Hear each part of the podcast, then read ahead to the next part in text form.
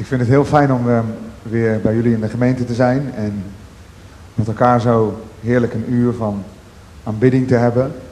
En ook echt prachtig om samen het avondmaal te vieren. Het geeft zo'n goed fundament ook om het woord te horen, om te beseffen wat onze Heer Jezus heeft gedaan. Ehm, ik heb net ook weer ervaren van, eh, het brengt mij, dat zal u misschien ook ervaren, het brengt ons op de juiste plek. Het brengt ons daar waar, waar God ons wil hebben, namelijk bij zijn zoon. En het doet ons weer even beseffen waar we vandaan komen. Het doet ons beseffen wat er op Golgotha is gebeurd. En het doet ons beseffen dat wij verloste, verloste mensen zijn. En ik zat net toen Hugo het brood brak en zat ik te denken, ik denk, als dit echt waar is, wat we hier beleiden met elkaar. Dan zijn er twee dingen waar, en het is echt waar. Dan zijn er twee dingen waar. Dan, dan is God onnavolgbaar goed voor zondige mensen.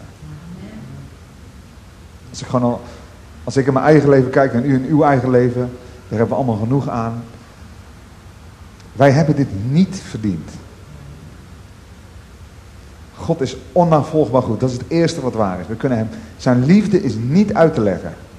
Zijn liefde voor zondaar. En het tweede is, dan zijn wij echt hele gelukkige mensen. Toch, het is echt waar. Dit, is, dit zijn niet mooie woorden. Ik zeg het niet om, om een sfeer, maar het is echt waar. Het is echt waar. En dat is mooi met de avondmaal. Dat vind ik heel mooi. Om dat uh, samen te vieren. Um, ik heb het op mijn hart, en het is eigenlijk al een beetje door Hugo ingeleid, om um, vanavond met u na te denken over handelingen 1. Over de woorden die Jezus heeft gesproken, zijn laatste woorden op aarde. En ik wil daar graag um, eerst maar even het gedeelte lezen. Om recht te doen aan de schrift. Handelingen 1 vanaf vers 1.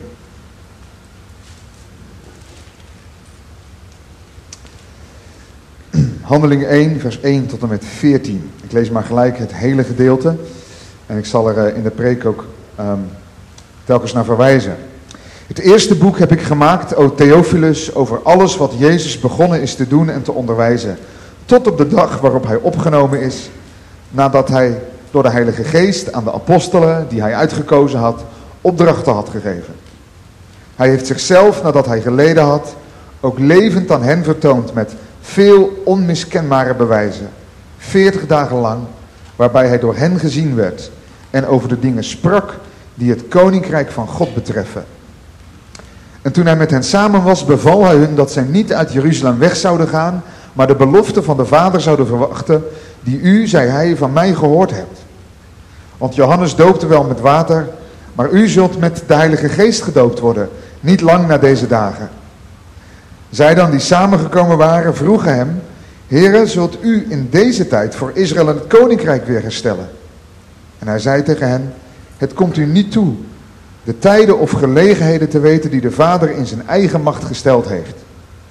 Maar u zult de kracht van de Heilige Geest ontvangen die over u komen zal en u zult mijn getuige zijn. Zowel in Jeruzalem als in heel Judea en Samaria en tot aan het uiterste van de aarde. En nadat hij dit gezegd had, werd hij opgenomen, terwijl zij het zagen en een wolk ontrok hem aan hun ogen.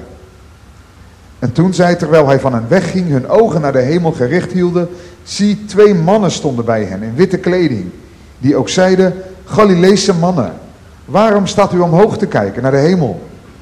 Deze Jezus die van u opgenomen is naar de hemel, zal op dezelfde wijze terugkomen als u hem naar de hemel hebt zien gaan. Toen keerden ze terug naar Jeruzalem, van de berg die de Olijfberg genoemd wordt, die vlak bij Jeruzalem is en daar een sabbatsreis vandaan ligt. En toen ze in Jeruzalem gekomen waren, gingen ze naar de bovenzaal en ze bleven daar, namelijk Petrus en Jacobus en Johannes en Andreas, Filippus en Thomas, Bartholomeus en Matthäus, Jacobus de zoon van Alfeus en Simon Zelotes en Judas de broer van Jacobus.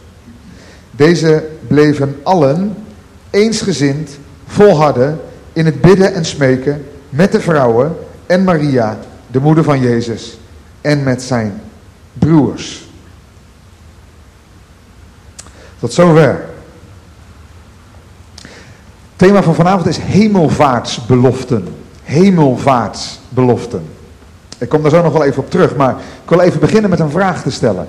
Heeft u, heb jij wel eens geluisterd naar iemands laatste woorden? Ik heb dat, zover ik weet, nog nooit meegemaakt.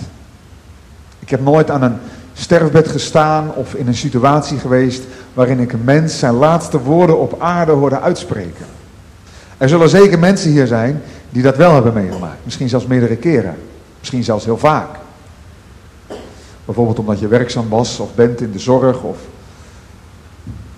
je ouders overleden zijn. Dan heb je dat meegemaakt. Het is indrukwekkend. Toch bedacht ik, moeten we daar ook niet al te veel waarde aan hechten. Belangrijker is hoe iemands leven geweest is. Maar blijft staan, iemands laatste woorden hebben een bepaald gewicht. Helemaal als ze uit de mond van Jezus komen. Het is niet zijn laatste woorden die hij ooit gesproken heeft, maar wel in zijn fysieke tijd op aarde. Handelingen 1, vers 8 eindigt met tot aan het uiterste van de aarde en nadat hij dit gezegd had. Deze woorden gesproken had. Het gaat maar niet om één of twee of drie woorden, maar om de inhoud van deze boodschap. Die hij voor zijn heengaan sprak. Wat deed Jezus in die 40 dagen? Wij zijn eraan gewend geraakt, ook door onze kalender. Maar na de opstanding tot aan de hemelvaart waren er 40 dagen. Dat zat in Gods kalender, want tien dagen later op de vijftigste dag, Pentakostel, 50, kwam het Pinksterfeest. Maar het was niet alleen omdat die 40 dagen vol moesten. Jezus hield zich ook daar met belangrijke dingen bezig. En in zijn intro op het Lucas, sorry, op het Handelingen uh, Bijbelboek geeft Lucas daar drie redenen voor. Wat heeft Jezus in die 40 dagen gedaan? Nou, allereerst, hij is aan zijn discipelen verschenen met onmiskenbare bewijzen. Heeft hij zichzelf levend vertoond, zegt Handelingen 1 vers 3. Dat is het eerste. Hij vertoonde zich levend aan zijn volgelingen. Het tweede is, hij sprak, het einde van vers 3, over de dingen die het koninkrijk gods betreffen. Ik kom daar zo nog op terug. Hij sprak met hen over het koninkrijk gods. Vandaar die vraag, drie versen later. 1 vers 6. Is dit de tijd dat u het koninkrijk zult oprichten? En het derde wat hij deed, en daar gaat het mij vanavond vooral om, en dat staat in vers 2, is dat hij aan de apostelen die hij had uitgekozen opdrachten gaf. Hij liet dus ook een opdracht na. Nou, ik denk als ik zou vragen dat we allemaal helder hebben, dat is primair wat wij noemen in ons taalgebruik de grote opdracht. Alle vier de evangelisten schrijven erover. Matthäus 28, ga dan heen, onderwijs al de volken. Marcus 16, ga heen, predik het evangelie aan alle schepselen. Lucas 24, dat onder alle volken bekering en vergeving van zonde gepredikt moet worden. En Johannes zegt het op zijn kortst.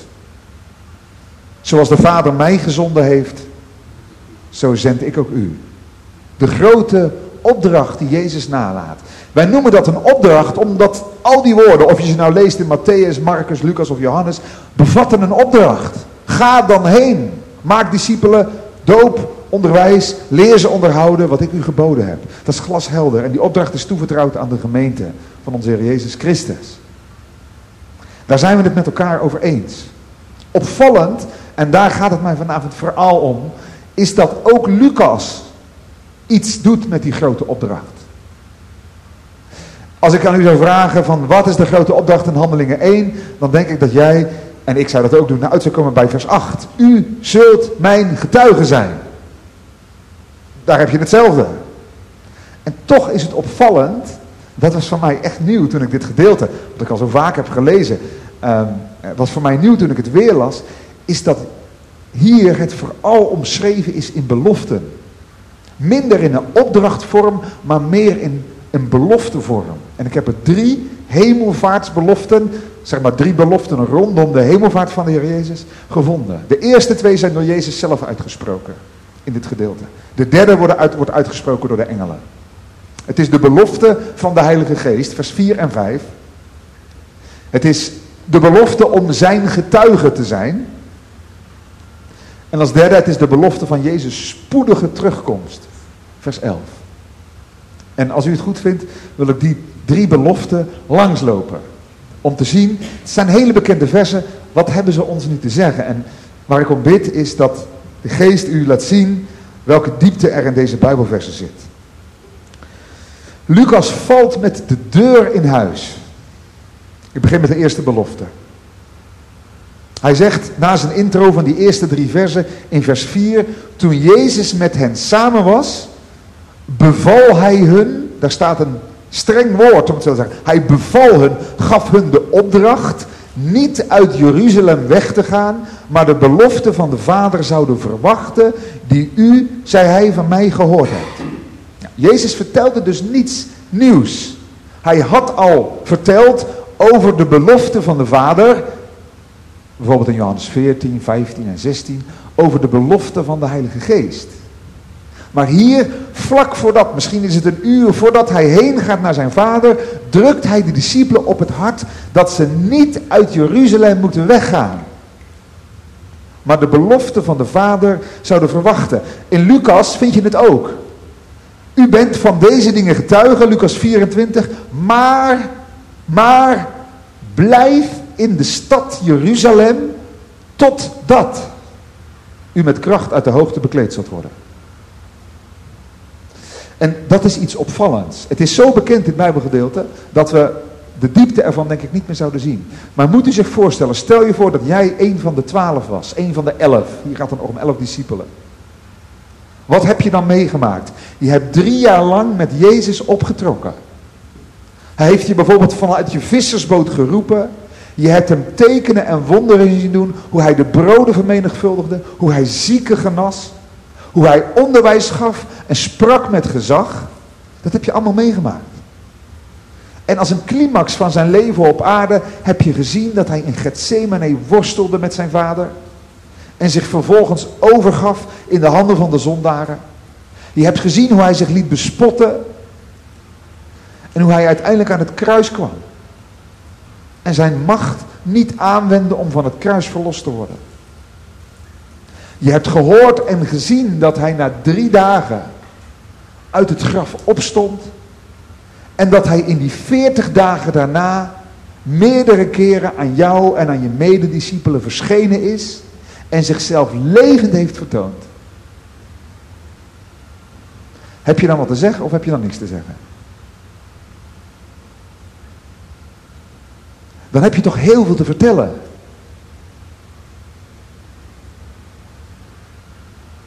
Probeer je te verplaatsen. Deze mannen, die zichzelf waren tegengekomen, die de genade van de Heer Jezus hadden leren kennen. Denk aan Petrus. Hebt u mij lief? Is door Jezus hersteld? Volg mij. En daar op die dag zegt Jezus, ik ga heen naar mijn vader. Handelingen 1. En dan zegt Jezus, terug naar Jeruzalem. Dat is toch apart?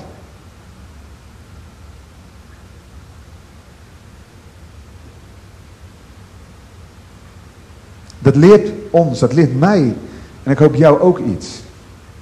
Dat het in het christelijke leven, in het leven met Hem en vooral als het gaat in het getuigen van Hem, dus niet zit, het geheim zit niet in het delen van ervaringen op zich, maar het geheim zit in de kracht van de Heilige Geest. Dat is een les. Jullie moeten terug naar Jeruzalem en de belofte van de Vader verwachten. Verwachten. En in hetzelfde vers zegt hij, want u zult met de Heilige Geest gedoopt worden. Jullie hebben ontzettend veel met mij meegemaakt en jullie hebben mij levend gezien en toch wil ik dat jullie teruggaan naar Jeruzalem, want jullie moeten met kracht uit de hoogte bekleed worden. Lucas 24.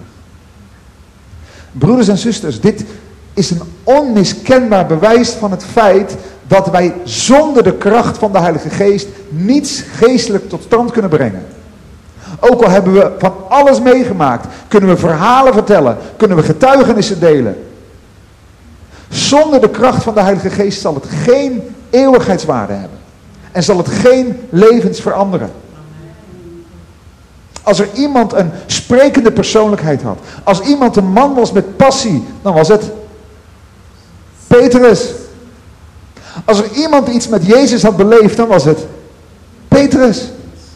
Maar Petrus, ik wil dat jij teruggaat naar Jeruzalem, want je hebt de kracht van de Heilige Geest nodig. Dat is wat Paulus bedoelt in 1 Korinthe 2. Ik kwam niet onder jullie met overtuigende woorden van menselijke wijsheid, maar in betoning van geest en kracht.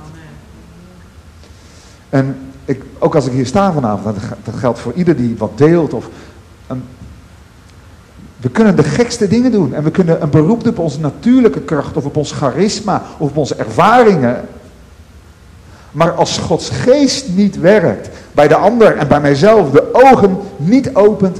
Dan zal het geen eeuwigheidswaarde hebben.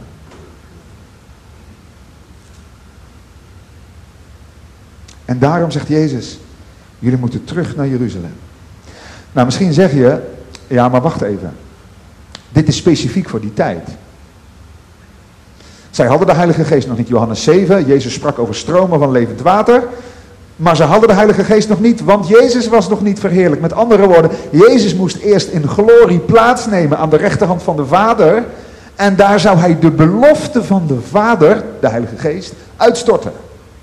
Dus zeg je misschien, ja, handelingen 1 vers 4, dat gaat over die elf discipelen. En dat is helemaal waar. Dat is, zeg maar, heilshistorisch gezien zaten zij in die fase. Wij, die de Heer Jezus hebben liefgekregen, en dat ook zojuist hebben beleden, hebben de Heilige Geest ontvangen. Nou, dat is helemaal waar. Paulus zegt in Efeze 1 vers 13, dat we toen we tot geloof gekomen zijn, verzegeld zijn met de Heilige Geest van de belofte. Als u de Heilige Geest niet hebt ontvangen, bent u geen christen. En als u een christen bent, dan hebt u de Heilige Geest ontvangen. Dat is glashelder. Maar als daarom deze teksten u niets meer te zeggen hebben, dan dat vind ik een beetje te kort door de bocht. Want dat betekent, broeders en zusters, ook al hebben wij de Heilige Geest inwonen, prijs God daarvoor dat we een tempel Gods in de geest zijn, dat er een betere tijd is aangebroken, dat overal waar christenen leven, wonen, werken, dat daar de Heilige Geest is. Anders waren ze geen christenen. Daar is Christus. Maar daarmee is niet alles gezegd.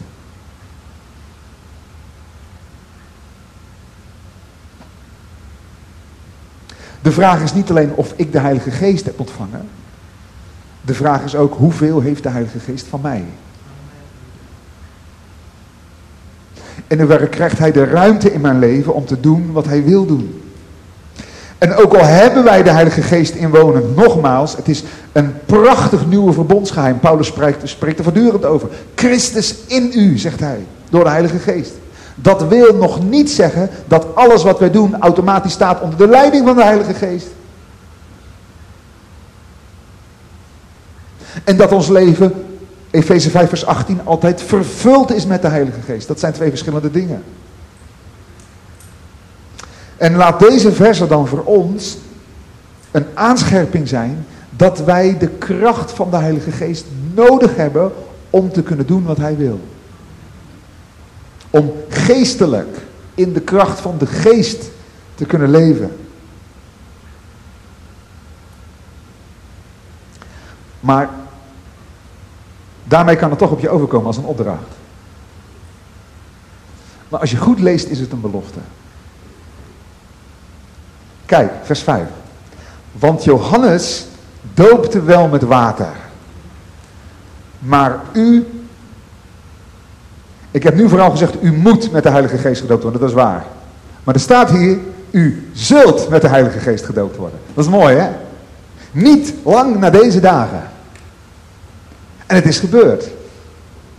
God belooft zijn geest en God geeft zijn geest. En dat is iets om voor te danken. Dat je als je hier zit en inderdaad de Heer Jezus hebt liefgekregen, opnieuw geboren bent, kan zeggen, ik dank u voor de inwoning van de Heilige Geest. Dat u ook geen beroep doet op mijn eigen kracht, maar dat de kracht van God het in mijn leven wil doen. En dat is een geheim wat wij moeten leren. Paulus zegt, wandel door de geest. En je zult de werken van het vlees niet vervullen. Broeders en zusters, laten wij bedenken dat wij in de wedergeboorte de Heilige Geest ontvangen hebben. En dat God niet alleen zegt, jullie moeten door de Geest leven, maar dat de belofte waarmaakt dat we ook kunnen leven door de Heilige Geest. En dat dat wat God van jou, van mij, van u vraagt in uw leven, of het nou betreft je kinderen opvoeden, of het nu is op je werk een getuige te zijn, of het nu is de gemeente te leiden, of het nu is om voorbeden te doen voor de mensen om je heen, om het nu is om een licht te zijn in je familie, dat God daarmee voorziet in een kracht, in een persoon die ons gegeven is. De Heilige Geest. En dat is geweldig. Dat is een geweldige belofte die we kunnen hebben. Die we hebben. Het is de erfenis. Het is de erfenis. Het is de onderpand. Zegt de Korinthebrief. Onderpand. Dus eigenlijk is een soort borg, een vooruitbetaling van de toekomende verlossing. Is het ontvangen, bezitten van de Heilige Geest. Dat is iets heel moois.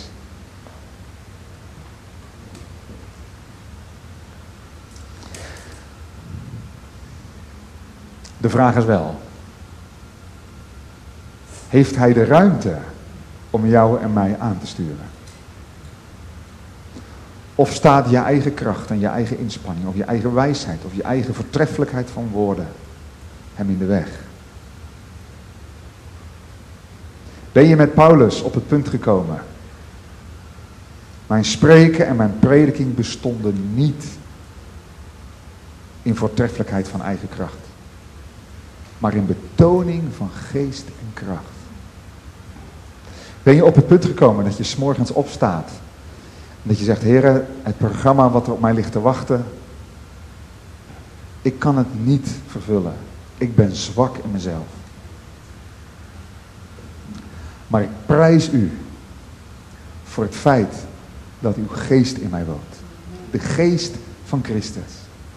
En dat hij het onmogelijke mogelijk maakt. Dat ik tegen de verleiding nee kan zeggen. Dat ik vernieuwd kan worden in mijn denken. En dat de werken die hij voor mij heeft voorbereid, dat ik daarin zal kunnen wandelen. Want de Heilige Geest stelt me in staat. Wat een geweldige belofte voor deze elf mannen. U zult met de Heilige Geest gedoopt worden. Niet lang na deze dagen. Die belofte die gaf hen ook vervulling. Want ze gingen terug, daar komen we zo nog op. En ze gingen met die belofte werkzaam bidden.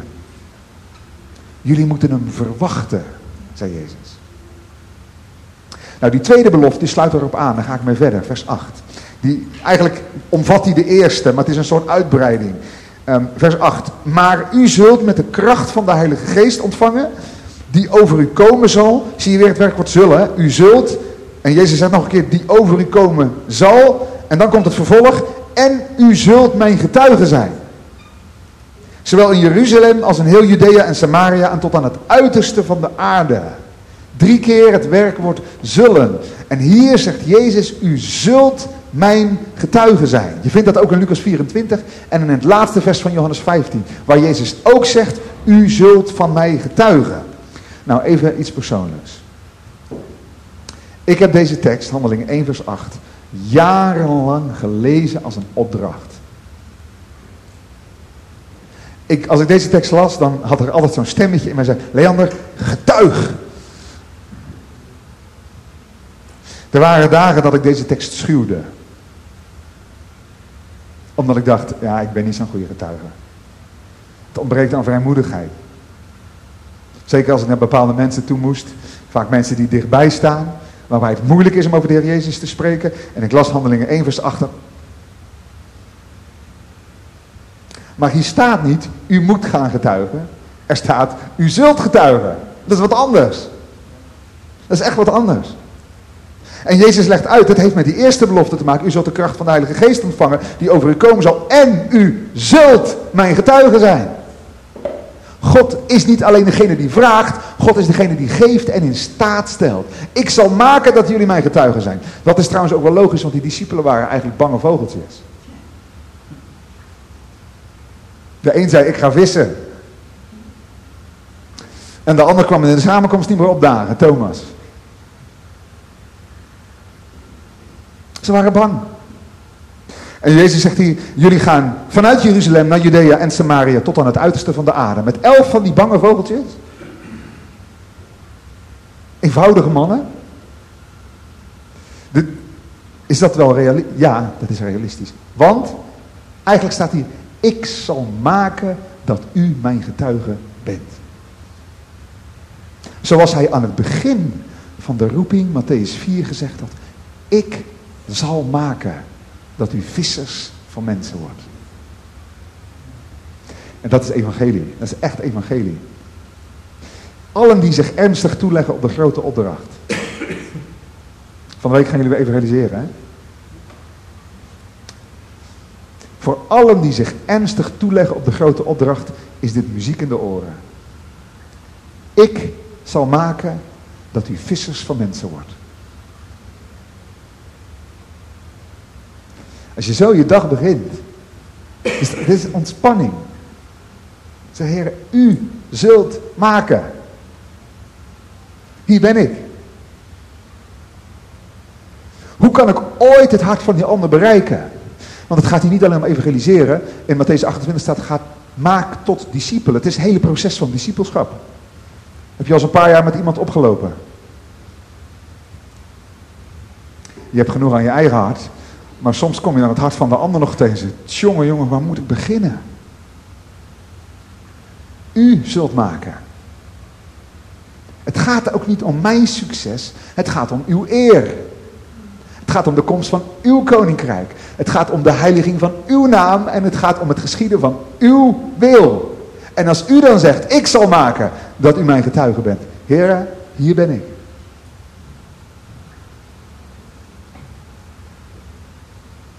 Iemand die dat bidt, niet alleen met woorden, want veel liederen zeggen deze dingen. Maar iemand die op dat punt gekomen is. Die heeft erkend, uit mijzelf geen vrucht in der eeuwigheid. Het is niet mijn kracht, niet mijn wijsheid. Het is ook niet uw gave. Ook al kunnen mensen daarvan onder de indruk zijn. Dat gaat geen verschil maken. Het is de kracht van de Heilige Geest. Die maakt dat wij getuigen zijn. U zult mijn getuigen zijn.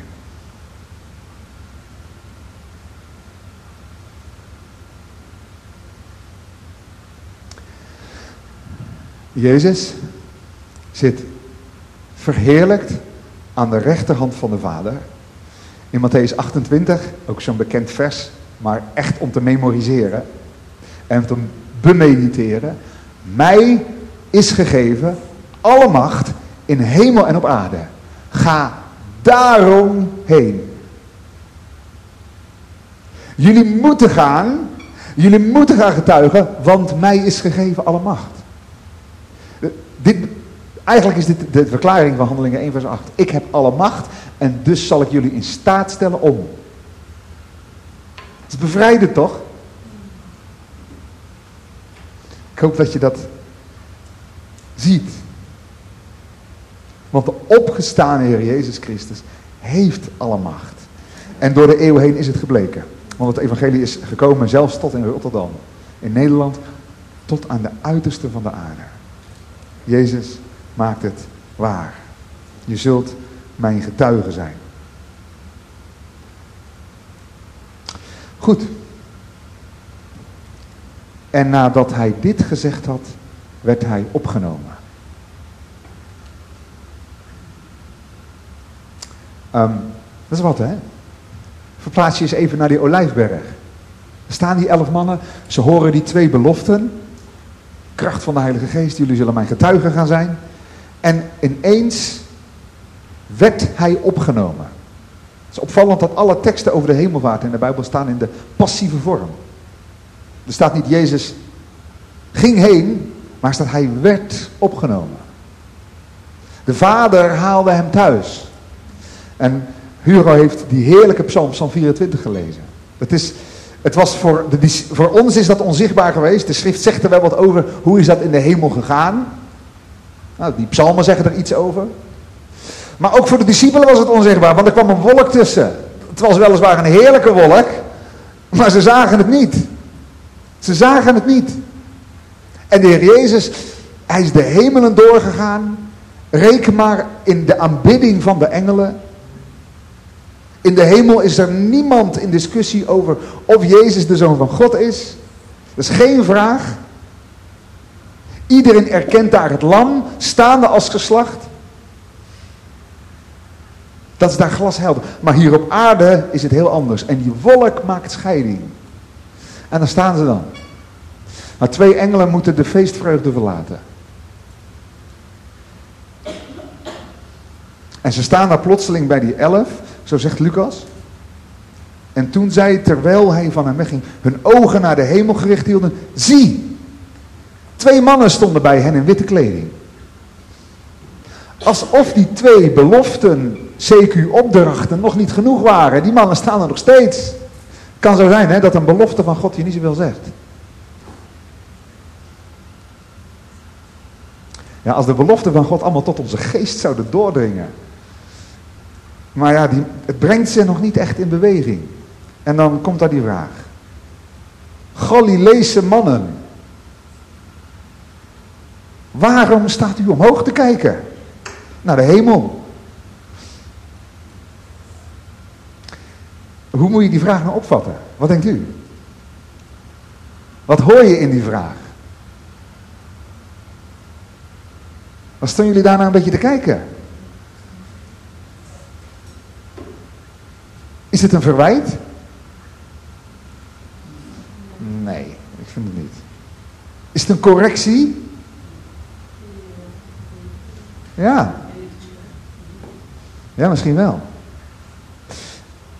Als ik de tekst zelf zou moeten aanvullen, dan zou ik de woorden van de engel als volgt invullen. Ga aan de slag. Doe wat je zojuist gezegd is. Terug naar Jeruzalem en de belofte van de Vader verwachten. Dat is toch helder? Vers 4 en 5. Die woorden zijn nog niet koud van de Heer Jezus. En toch zeggen ze dat niet. Zij voegen er een derde belofte aan toe. Die over een volgend heilsfeit gaat.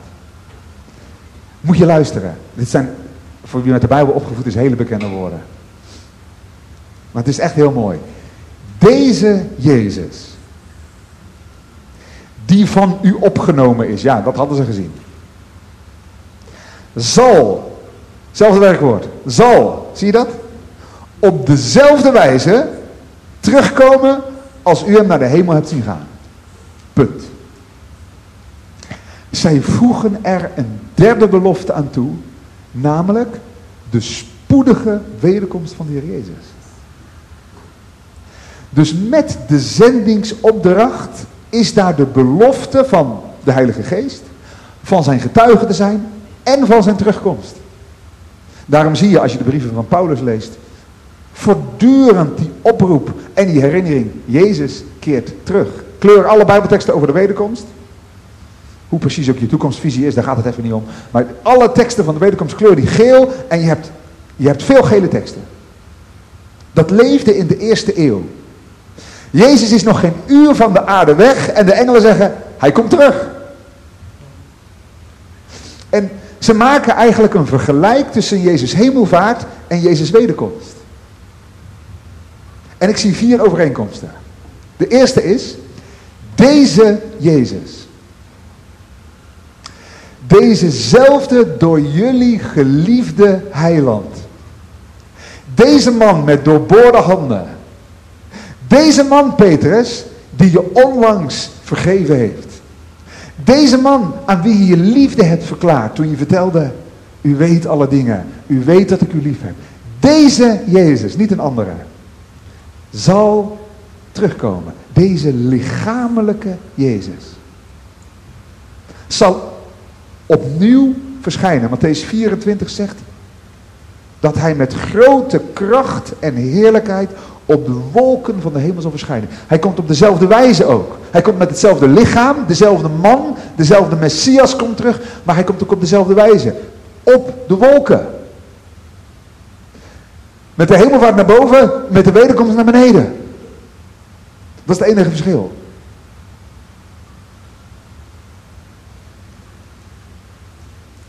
Ik denk, broeders en zusters, dat als we de schrift in het verband lezen, dat hij ook op dezelfde plaats gaat komen.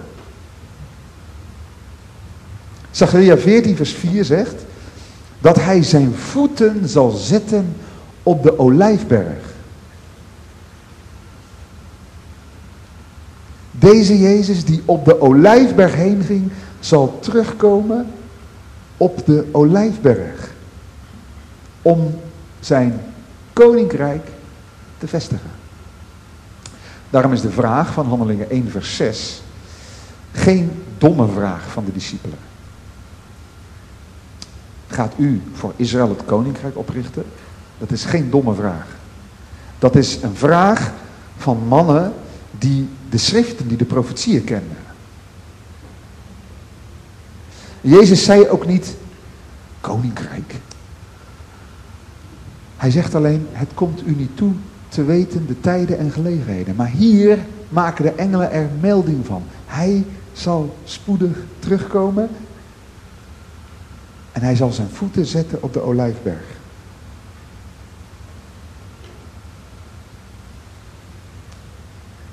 Hij komt terug naar de aarde. Ehm, het is wel echt opvallend, en dat is eigenlijk het laatste wat ik wil zeggen, bij deze derde belofte, dat de engelen, beter gezegd dat God, de Vader, de Heer Jezus Christus, het nodig vond om de discipelen hierbij te bepalen. Jullie gaan met de grote opdracht aan de gang. En jullie moeten van meet af aan weten, deze Jezus keert terug. Dat is een geweldig toekomstperspectief. Wij doen ons werk, de grote opdracht, in de kracht van de Heilige Geest. In de afwachting, beter gezegd in de verwachting van de spoedige komst van de Heer Jezus Christus. Die lichamelijk opnieuw gaat verschijnen. Ik vat ze even samen. Drie beloften. Ik zal jullie dopen met mijn Heilige Geest.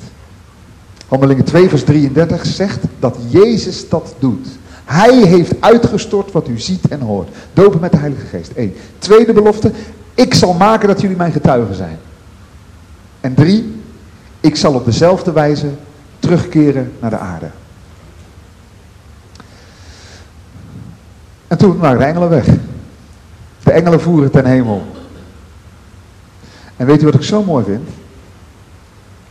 Vers 12. Moet je zien. Toen keerden zij terug naar Jeruzalem. Toen, met deze drie beloften op zak, keren ze terug naar Jeruzalem. Nu zet het hen in beweging. Ze gaan van de Olijfberg naar Jeruzalem. Sabbatsreis. En ze komen in Jeruzalem aan, gaan naar de bovenzaal en zij bleven daar. En dan volgt vers 14. Deze bleven allen eensgezind volharden in het bidden en het smeken met de vrouwen en Maria, de moeder van Jezus en met zijn broers. En hier zou ik tot slot een streep onder willen zetten. Drie beloften. Als je voor je verjaardag een tegoedbon krijgt, een cheque. 1, 2, 3. Dan leg je die niet op de rand van de kast om te zeggen, daar liggen ze. Dan heb je er niets aan. Zo is het idem met de belofte van God. Ik hoop dat het tot je doordringt.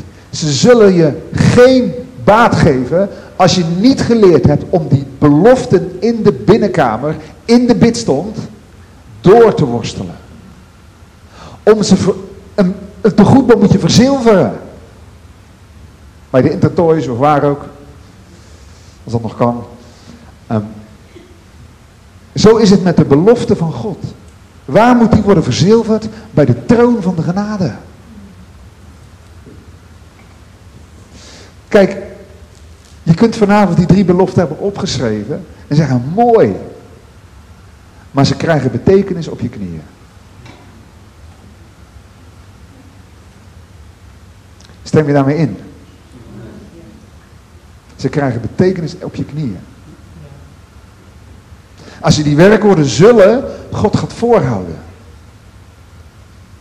Heer, u hebt gezegd, u zult mijn getuige zijn. U hebt gezegd, u zult spoedig weerkeren. Dan ontsteekt de Heilige Geest het geloof in je. Het geloof dat zich hecht aan de belofte. En dan heb je die twee eenheid. Waardoor je God neemt op zijn woord.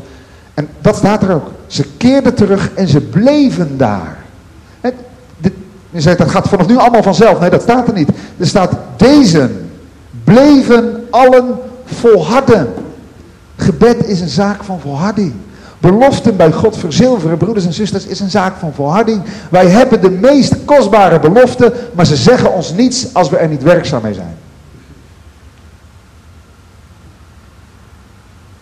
En ze worden voor ons kostbaar op het moment dat we ze samen in de bidstond. Of alleen in je binnenkamer. Als je er volhardend mee, wat staat er 14? Bid en smeekt. Er is ergens een soort gedachte bij mensen soms die zeggen, ja, als God dat heeft beloofd, dan hoef je er ook niet meer voor te bidden. Dat kan je misschien theoretisch zo uitleggen, maar in de praktijk is het totaal anders. God vervult zijn belofte in de weg van bidden en smeken. Deze discipelen gaan niet zitten, nou die belofte hebben we op zak. God vervult zijn kalender toch wel.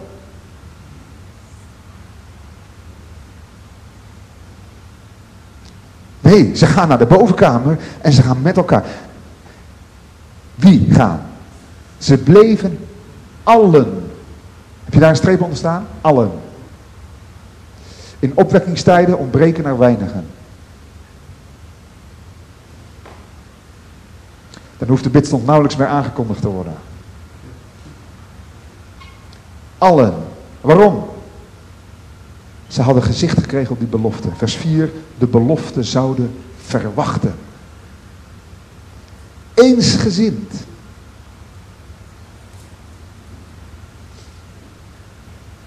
Het gebed wordt van iedere kracht ontdaan als er in de gemeente oneenigheid is. Dat is een stok tussen de spaken. Jacobus zegt, jullie bidden, maar ondertussen maken jullie ruzie. Ze bleven allen eensgezind volharden. In het bidden en het smeken.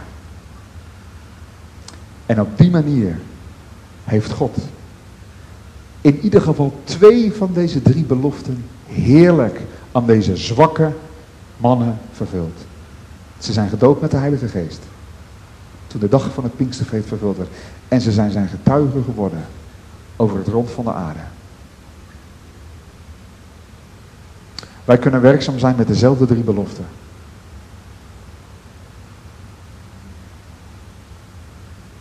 En het is vandaag als het ware drie tegoedbonnen, drie checks die de schrift je aanreikt. En aan mij en aan jou is de vraag. Wat gaan we ermee doen?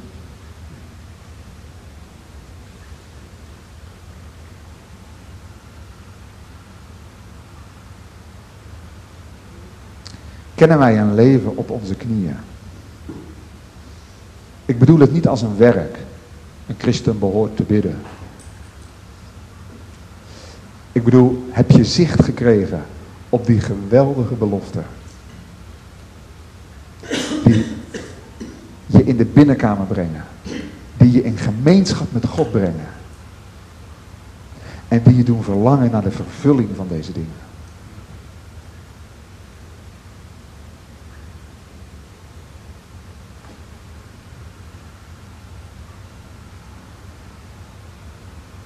Ik eindig met een citaat van Spurgeon. We zullen in het algemeen nooit grote veranderingen ten goede zien in onze kerken. Totdat de gebedsbijeenkomst in de waardering van christenen een hogere plaats zal ontvangen. In te veel kerken zijn gebedsbijeenkomsten verworden tot saaie, koude en levenloze bijeenkomsten. Waarin te weinig vanuit de Bijbel gebeden wordt. En te weinig met een missionair doel. Tijdens de geestvervulde gebedsbijeenkomst verdwijnen eigen noden naar de achtergrond. En we vormen een groep mensen die ernaar verlangen dat anderen gezegend worden. Dit geeft ware geestelijke eenheid. The church that prays together stays together. Amen. Zullen we samen danken en bidden?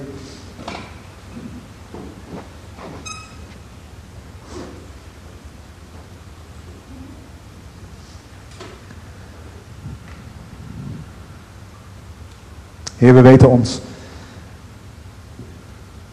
als we denken aan het verbroken brood en de vergrote wijn, diep gezegende mensen, dat we zijn vrijgekocht door uw kostbaar bloed.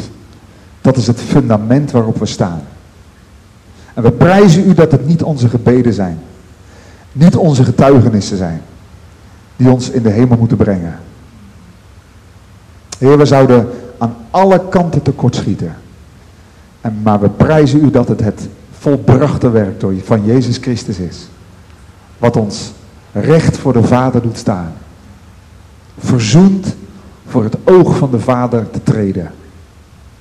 Heer Jezus, wij eren en aanbidden u. Voor uw geduld met ons. Uw liefde voor ons. Uw overgave aan het kruis. Maar vervolgens dat u ook met ons een pad wil lopen. En dat u ons wilt brengen dicht aan uw hart. En dat u ons die kostbare belofte geeft. Allereerst de belofte van de Heilige Geest. De belofte om uw getuige te zijn. En de belofte van uw spoedige wederkomst. Heer Jezus, we willen u bedanken voor deze geweldige waarheden, ook in de schrift. En waar we op dit moment met elkaar voor willen bidden, is dat u door uw geest ons de heerlijkheid van deze belofte laat zien. Dat u door uw geest ons roept in de binnenkamer. Dat u ons brengt bij de troon van de genade om u uw eigen woord voor te houden. En te pleiten, te smeken, te volharden. Allen eensgezind. Zodat deze beloften werkelijkheid worden. Dat de Heilige Geest de leiding heeft in ons leven. Dat we uw getuigen zullen zijn. En dat we zicht hebben op uw spoedige wederkomst, Heer Jezus. Vader, we bidden ook voor ons. Om die frisheid van de Heilige Geest. Dat verlangen in de gebeden. Dat u ons samenbrengt. Omdat we gezien hebben dat het leven met u het meest kostbare leven is. En dat uw woord ons belofte geeft om bij aan te haken. Om op te staan. Om op te volharden. In het bidden en in het smeken. Dank u wel dat we kunnen zeggen dat we de Heilige Geest ontvangen hebben. Dank u dat we niet meer van onszelf zijn, maar dat Hij in ons woont. En dat Hij die in ons is sterker is dan Hij die in de wereld is. Dat u ons roept om uw getuige te zijn. Heer, u zou het veel beter zelf kunnen. Uw engelen zouden het beter kunnen, maar u hebt ervoor gekozen om het door ons heen te doen. Dank u wel dat u ons in staat stelt en de Heilige Geest geeft. Vader, geef ons gebed. Roep ons tot uzelf. Hier in de gemeente. Voor zaken die u op ons hart legt. Allereerst om zelf een toegewijd leven te leiden. In ons huwelijk, in ons gezin als we dat hebben. Op ons werk, in onze omgeving. Om uw getuigen te zullen zijn. Wij zijn zwak. Maar u bent machtig. Wees onze gids in het barre land.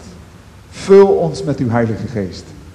Zodat we herkenbaar zijn als mensen die met Jezus geweest zijn. Dat is echt ons verlangen, Vader. In Jezus' naam. Amen.